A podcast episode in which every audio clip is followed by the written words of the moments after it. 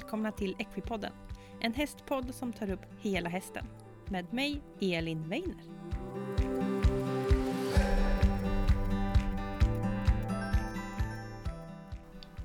Hej alla Equipodden-lyssnare och välkomna till en ny vecka med Equipodden. Nu är det slutet av februari när det här avsnittet släpps och eh, så smått nu så börjar tävlingssäsongen komma igång.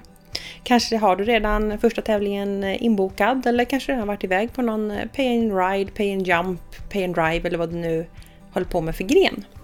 Så i det här avsnittet så tänkte jag att jag ska samla tips från intervjuer från Equipodden när det kommer till tävling. Vi kommer i det här avsnittet höra ett antal olika eh, ryttare som beskriver eh, hur de arbetar kring eh, tävling och hur de tänker eh, jag hoppas att du ska tycka att det här är ett matnyttigt avsnitt. Det blir ett litet Best of tävling. Den första ryttaren vi ska få höra det är Pontus Hugosson. Och Pontus Hugosson är ju en framgångsrik fälttävlansryttare. Och eh, han finns att lyssna mer på i avsnitt 29 av Equipodden.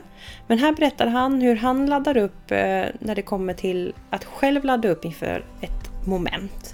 Eh, här berättar han lite om hur han tänker när det kommer till terrängmomentet och hur han arbetar med bilder, rädslan, rädsla, nervositet för att kunna prestera på det allra bästa sättet.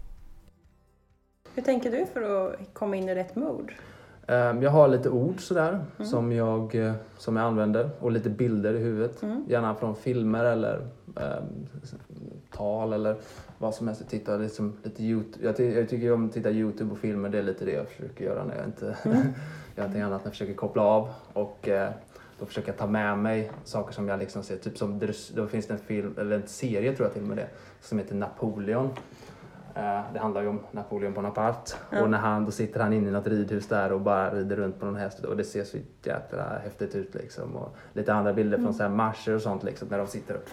Mm. Då, är det liksom, det, då, då, får jag liksom min bild i huvudet. Ja. Liksom hur jag ska vara i ett liksom, när jag inte tänker, då är jag mm. liksom där mm. någonstans. Så att, eh, och sen så banhoppningen så kanske jag, jag vet inte, sett någon bra banhoppningsrunda eller jag har inget direkt bra exempel just för stunden mm. men jag har även mina liksom, bilder i huvudet och mina ord som jag använder.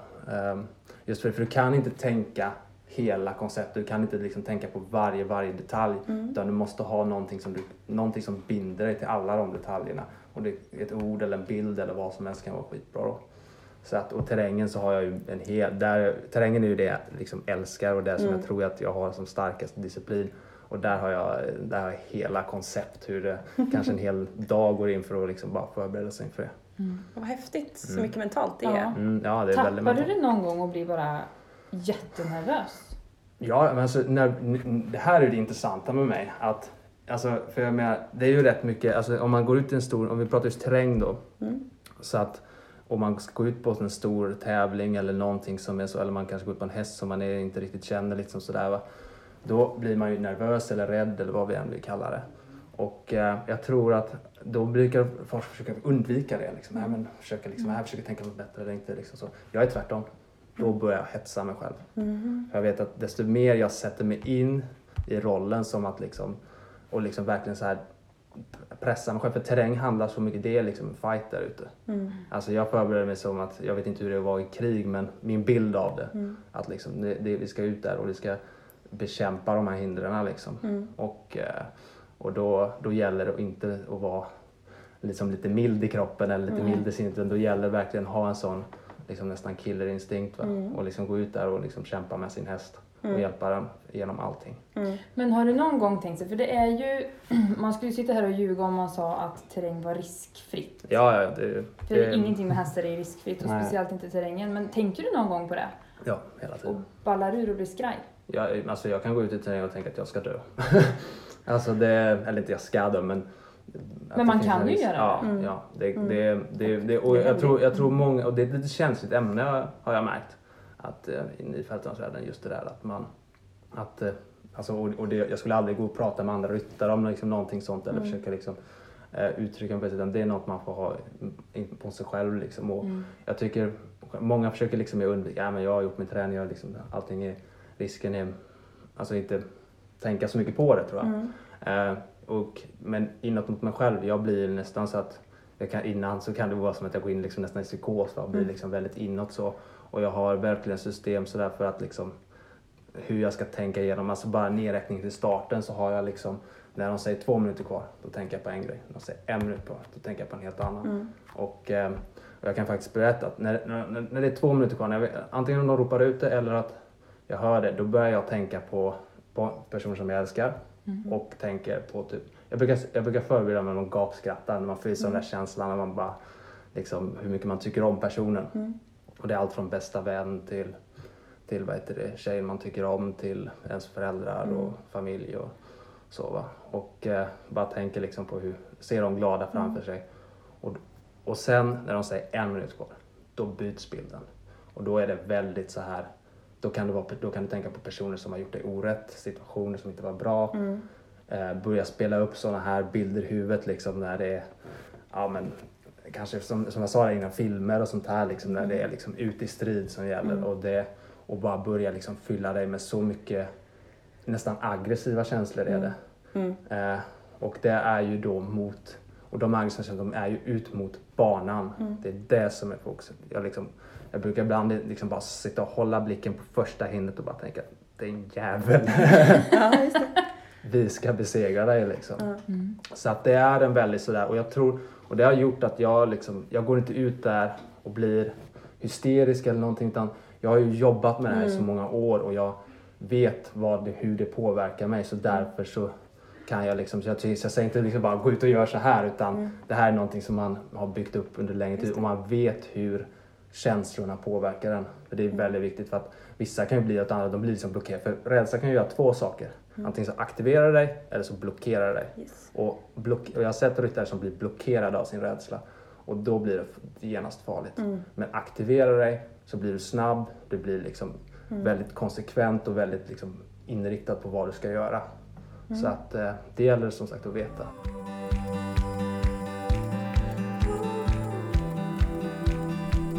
Nästa ryttare vi ska få lyssna på är Johanna de Boye, Grand Prix-ryttare i dressyr. Och henne kan man höra mer av i avsnitt 41 av Equipodden. Och här berättar hon hur hon laddar upp för sin egen del när hon ska tävla. Och som du säger när du åker iväg och tävlar, hur, hur tänker du när du ska ladda upp? Jag tänker bara dig själv nu, när du ska Mm. ladda upp inför en tävling. Har du några konkreta Eh. tips? Vi intervjuade Pontus Hugosson och han Mm. målade upp sina bilder och eh, musik och hur han laddade upp. Det var Mm. väldigt så här, Mm. eh, spännande. Har du något som du gör? Ehm, alltså jag brukar försöka, liksom, när jag har när jag, när jag, jag börjar egentligen eh, med Macy då så har jag väl, då börjar liksom hela den veckan egentligen innan jag Mm. åker. Ehm, man försöker tänka på att sova bra, äta bra.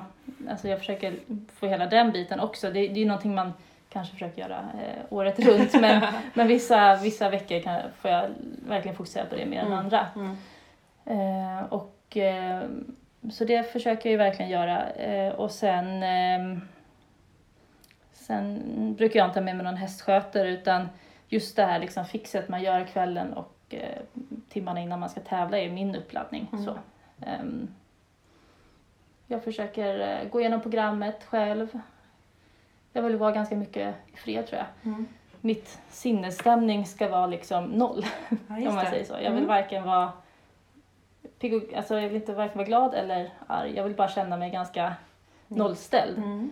Ehm, och det vet min sambo och mina vänner och de jag umgås med, min familj, att jag vill liksom inte, Mm. ska jag tävla även om det är på eftermiddagen och jag hela förmiddagen så vill jag ändå inte tjoa och tjimma liksom, utan jag är ganska så, Mm. hitta ett nollläge. Mhm. Så att, eh, ja. Jag, eh, jag kanske inte är världens roligaste att åka med på tävling. på i det avseendet att jag liksom, eh, att jag inte så mycket för att hinna gå ut och äta massa middagar när vi är borta utan jag är ganska fokuserad liksom på det, varför jag är där. Mm. Kan man säga. Spännande. Ja, liksom nollläge och att du spenderar tid med, Mm. med den du ska Mm. tävla med. Ja. Och det är ju väldigt, för det är ju en prestation ihop Mm. såklart. Mm. Och en väldigt stor prestation. Mm. Ja, jag tycker verkligen att det är min skyldighet om jag släpper med, släpper med en häst liksom runt på tävlingar. För det är ingenting de väljer själva, då ska jag vara i mitt absoluta bästa Ja. fokus också. Ja. För det kräver jag ju att hon ska vara Ja. åtta minuter på banan också sen. Så att, ehm,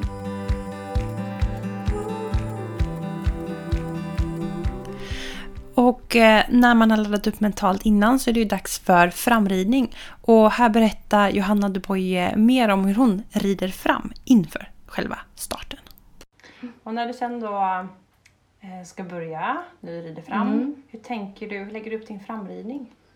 Ehm, jag tycker att det är väldigt viktigt att eh, försöka behålla väldigt lik, likvärdigt mot, mot vad man har när man rider hemma. Mm. Jag tränar ju en del för, eh, eller en hel del för Louise Natorst Mm. och eh, när hon är med så brukar hon hjälpa mig på framridningen. Ehm, det är inte så att hon går in och ändrar på saker och så utan hon finns där som en spegel och ger lite feedback. Mm. Eh, och det är samma med, med mamma när hon är med. Vi Mm. klarar oss ju när vi Mm. är iväg också så. Ehm, så att jag vill inte ha allt för mycket åsikter men jag vill ändå ha lite feedback på det jag gör. Någon stöttning så. Lite mer böjning, lite mer Mm. energi, alltså lite så. Mm. Eh, och det är väl det, har man en tränare som man träffar så pass ofta liksom, så, så vet ju de Mm. precis vad, vad man har Mm. varandra. Ehm, så att eh, jag brukar försöka hålla det ganska likt. Um, tävlar man flera dagar så kanske man kortar ner framridningen lite allt eftersom. Mm. Om hästen, ja, jag brukar ha lite kortare framridning sista dagen. Mm. Eh, jo men att liksom eh, försöka behålla framridningen så lik som, som möjligt eh, mot vad man har hemma när man rider. Eh, hästen har ju ingen större aning om vad man är iväg och gör Mm. egentligen. Eh, har man rest långt så kanske man också kortar ner lite. Har man en yngre häst kanske man Mm. kortar ner framridningen lite Mm. mot vad jag har när jag rider fram en, en Grand Prix-häst. Eh, men det är ganska individuellt. Men nyckel, nyckelordet är väl att försöka hålla det Så, så likt Mm. som möjligt som man har hemma. Mm. Nu ska vi få höra en annan ryttare och det är Antonia Pettersson Häggström och hon är ju hoppryttare. Och hon finns att lyssna mer på i avsnitt 44 av Equipodden. Och i den här lilla biten så kommer hon berätta mer om hur hon rider fram och laddar upp själv inför sin tävling. Om man sen går över lite mer på tävling. Hur tänker du eh, när du ska rida fram eller när du ska förbereda dig själv? Eh, har du någonting som du behöver göra för din uppladdning? Eh, eller någonting du behöver göra för hästen? Eller hur tänker du när du rider fram och laddar upp mentalt själv? Jag brukar rida fram ehm, ja, mellan 15 och 20 ekipage innan. Mm.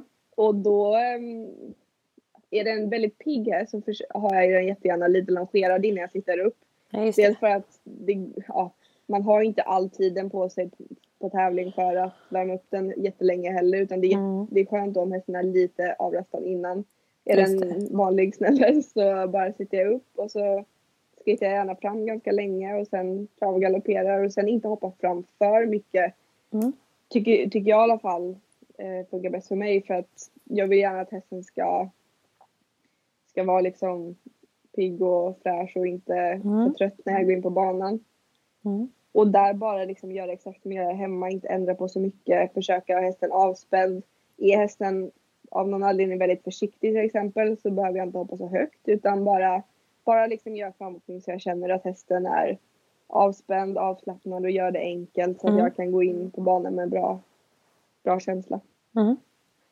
Och sen själv så um, Säg att jag ska rida en stor tävling och, och verkligen så ska fokusera så brukar jag vilja vara lite ensam Mm. innan starten så det kanske inte ja, nu är jag ganska social person så att jag, egentligen så måste jag träna på det och verkligen hitta mitt egna fokus. Jag tror ändå att det, att det hade funkat nästan ännu bättre. Mm. Ehm, så jag önskar att jag ännu mer var ensam innan för jag tror att det hade varit bästa uppladdningen. Men sen brukar jag kolla på, på en film liksom på en bra runda med just den hästen innan. Så att Mm. jag får lite det.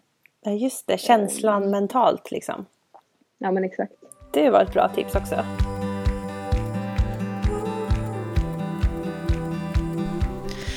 Och när man nu lyssnar på de här ryttarna när de ska förbereda sig inför tävling och rida fram så hör man att de arbetar ute efter från ett system som passar för just dem. Och det handlar mycket om mentala system och vem är inte bättre än Johanna Lassnack när det kommer till mentala system. Vill man höra mer av Johanna Lassnack så finns hon i avsnitt 19 av Equipodden. Men här berättar hon om vikten av att ha ett uppbyggt system när det kommer till tävling. Det som det handlar mycket om det är att bygga upp ett mentalt system. Mm. Att man har ett system som man kan falla tillbaka på. Det vill säga att man har rutiner.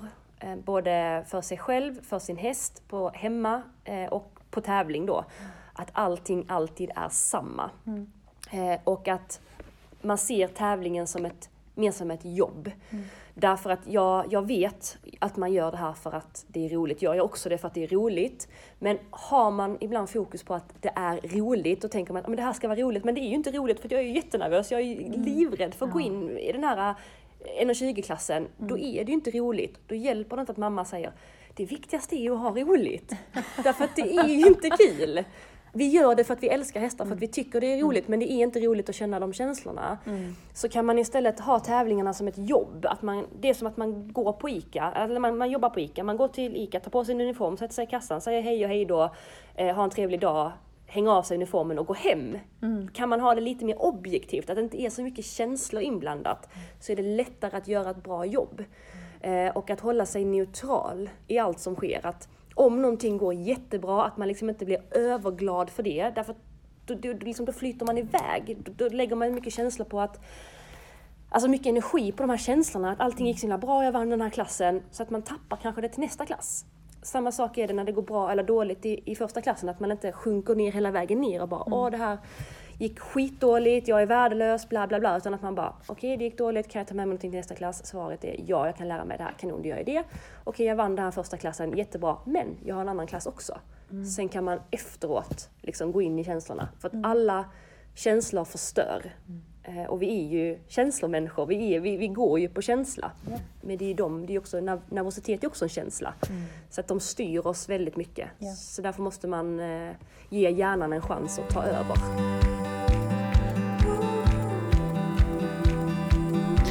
Ja, tävling är ju något som är fantastiskt roligt. Men det är också någonting som skapar väldigt mycket nervositet och ganska mycket stress både hos häst och hos ryttare. Och jag gillar Johannas tanke här när det kommer till se det som ett jobb och ta på sig en uniform. Nu gör jag min tävling, nu gör jag mitt jobb och försöker ha känslorna lite åt sidan. I alla fall i stundens hetta så kan man känna dem sen när man är färdig. Och när det kommer till stress hos hästar så har ju vi lite ett ansvar att ha koll på stressen. Och här fortsätter Johanna Lassnack berätta lite om hur hon tänker på när en häst kan bli stressad. Och att vi tar hand om hästarnas stress. Liksom. Att, att försöka se innan någonting sker. Att inte man bara låter en häst bli lite stressad för det kommer bara eskalera. Liksom. Utan att man försöker stoppa det, man bryter mönster. Jag vet bara, jag hade en häst här på tillridning som Alltså i vanliga fall kanske på en tävlingsdag så tar man hästen från boxen, man sätter den på uppställningen och så kanske man börjar knoppa. Eller om man inte knoppar så kanske man tar på transportskydd. Där har man ju direkt en signal.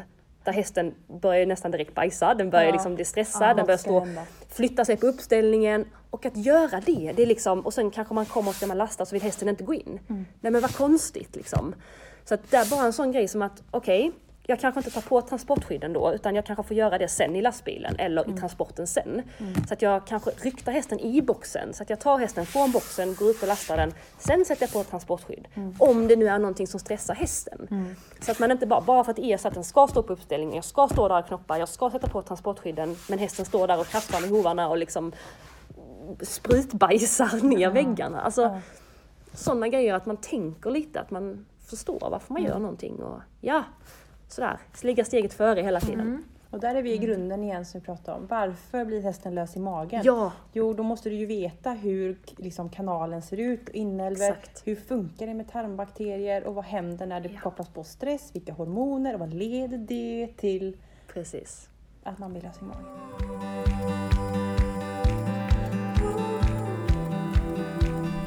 När man är ute och, tävlar så hoppas man ju alltid att det ska gå så bra som möjligt. Men det är inte alltid det gör det. Ibland så blir det ju inte riktigt som man har tänkt sig. Och nu ska vi få lyssna på Anna Nordin som arbetar som mental coach och har ett otroligt inspirerande företag. Hon berättar här om ett koncept som heter rätt mental inställning. Och rätt mental inställning det handlar om att vad som än händer så ska man välja att ha en inställning till det som har hänt som kommer hjälpa mig och inte stjälpa mig. Och om man kopplar det till tävlingssammanhang så ska vi få höra hur man skulle kunna vända en, en motgång till en lärdom. Och du tog ett exempel innan vi spelade in här om man hopp, är iväg och hopptävlar och vägrar ut sig på Mm. första hindret. Ja. Eh, Och att man kan då lätt, att det, du sa precis att det kan vara svårt att tänka positivt kring just den Ja. situationen precis när man går ut. Ja, Men att man istället då försöker tänka, vad gick bra? Ja, eller om man då liksom tänker så här att ja, okej, jag väger ut med första hindret. Det kanske inte var vad jag hade önskat. Men det spelar ingen roll. Egentligen så tar man med sig ännu mer från ett misslyckande än vad man gör från ett, en lyckad händelse. Eh, d- och utan att misslyckas kommer vi aldrig nå våra mål. Utan vi bygger erfarenhet varje gång vi misslyckas. Som gör att vi tar oss förbi liknande hinder nästa gång. Eh, och då om jag då kommer ut från banan och så börjar jag med att fundera på okej, men vad fungerade då? Vad gick bra? Och det kan ju vara så att ja, hästen gick på transporten på en gång så vi var där i tid. Mm. Eh, det gick bra när jag var på framridningen. Jag hade en bra plan när jag gick banan. Det kan ju vara massa saker som faktiskt har fungerat. Mm. Och sen när jag har tagit fram det, då har jag liksom skaffat mig rätt mental inställning. För då är jag inställd på att vara konstruktiv och lösa saker. Direkt när man kommer ut från banan då kanske man mer bara är arg och vill säga att allt är värdelöst, jag kan inte rida, min häst är dum i huvudet och så vidare. Ja. Och det är inte rätt mental inställning, det kommer inte hjälpa till nästa gång.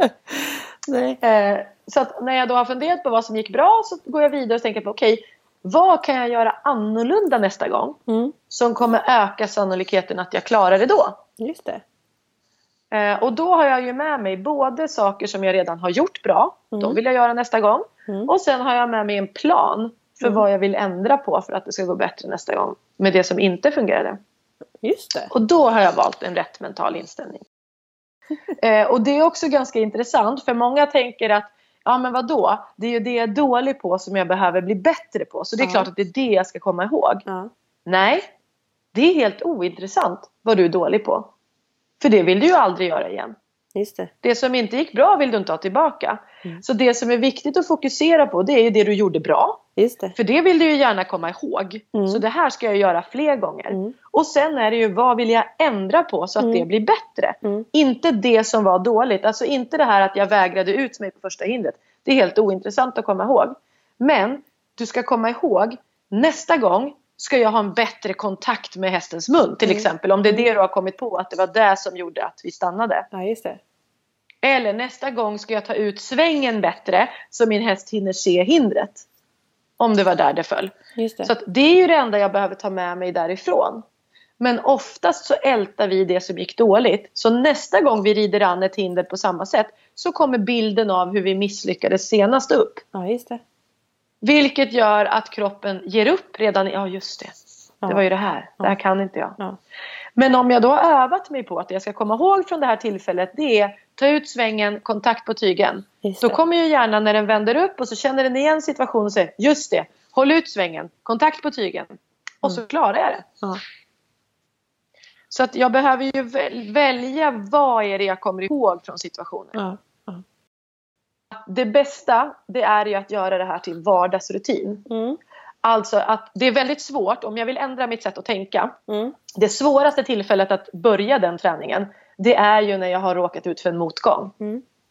Då är det, då är det som tuffast för då är ju hjärnan helt inställd på att älta det här som inte gick Ja, bra. precis. Eh, så det är mycket bättre om jag börjar träningen när det är lite mer neutralt. Just det. Alltså i vardagen. Att jag Mm. lär mig att varje gång jag har ridit till exempel.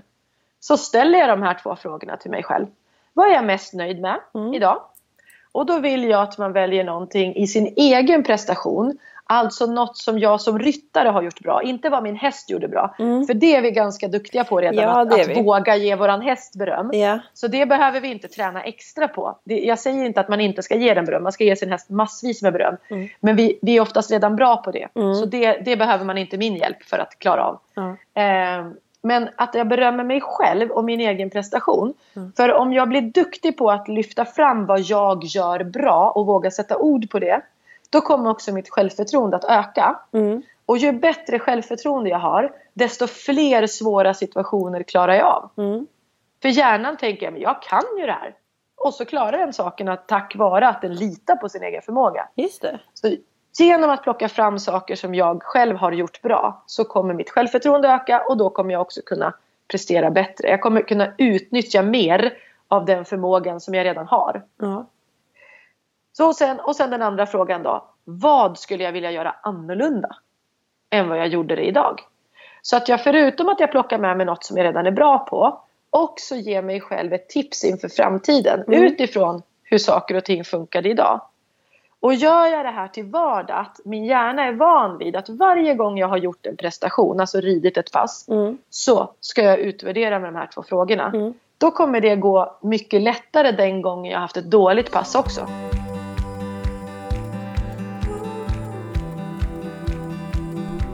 Verkligen jätteintressant det som Anna Nordin pratar om här, om att ha rätt mental inställning och att träna sin hjärna för att kunna möta motgångar på tävling och göra det till någonting bra, förbereda sin kropp till att lyckas nästa gång.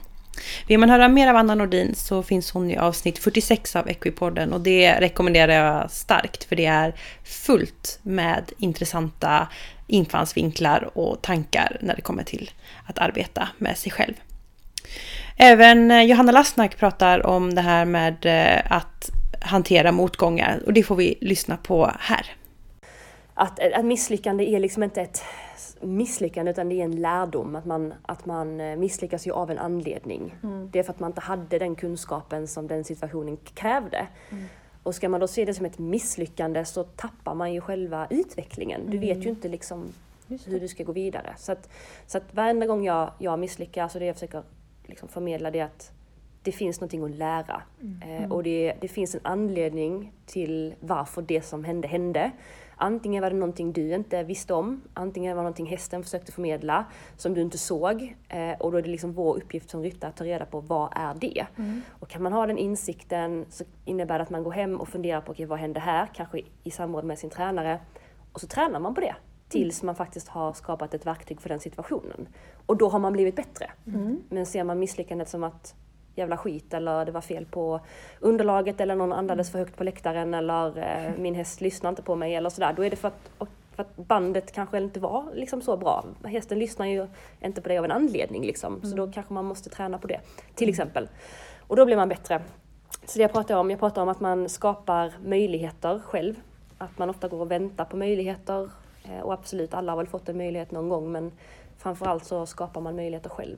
Och att de tillfällena kommer varje dag. Det är bara att man måste våga öppna upp ibland de här skygglapparna för att, för att se.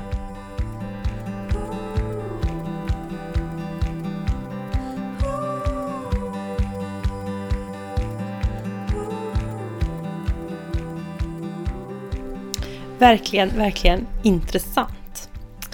Det var allt jag hade att bjuda på det här avsnittet. Jag hoppas att du har fått lite inspiration inför kommande tävlingssäsong. Tack för att du lyssnar på Equipodden. Gå gärna in och följ Equipodden på sociala medier. Det finns ju på Facebook och Instagram. Equipodden finns ju också på Youtube och där ligger det ut ett antal avsnitt videoklipp ska jag säga. Där jag har filmat när jag har besökt olika gäster. Inte till varje gäst tyvärr, men till en del gäster. Så gå gärna in och prenumerera på Youtube. Tyckte ni att något var väldigt intressant, ett avsnitt som ni kanske inte har lyssnat på som ni har hört en snutt av eh, idag, så länkar jag eller skriver jag på beskrivningen vilka avsnitt och vilka ryttare som har varit med. Så ni kan få mer inspiration och lyssna på fler avsnitt. Med det hörni så önskar jag er en fantastisk vecka. Hej då!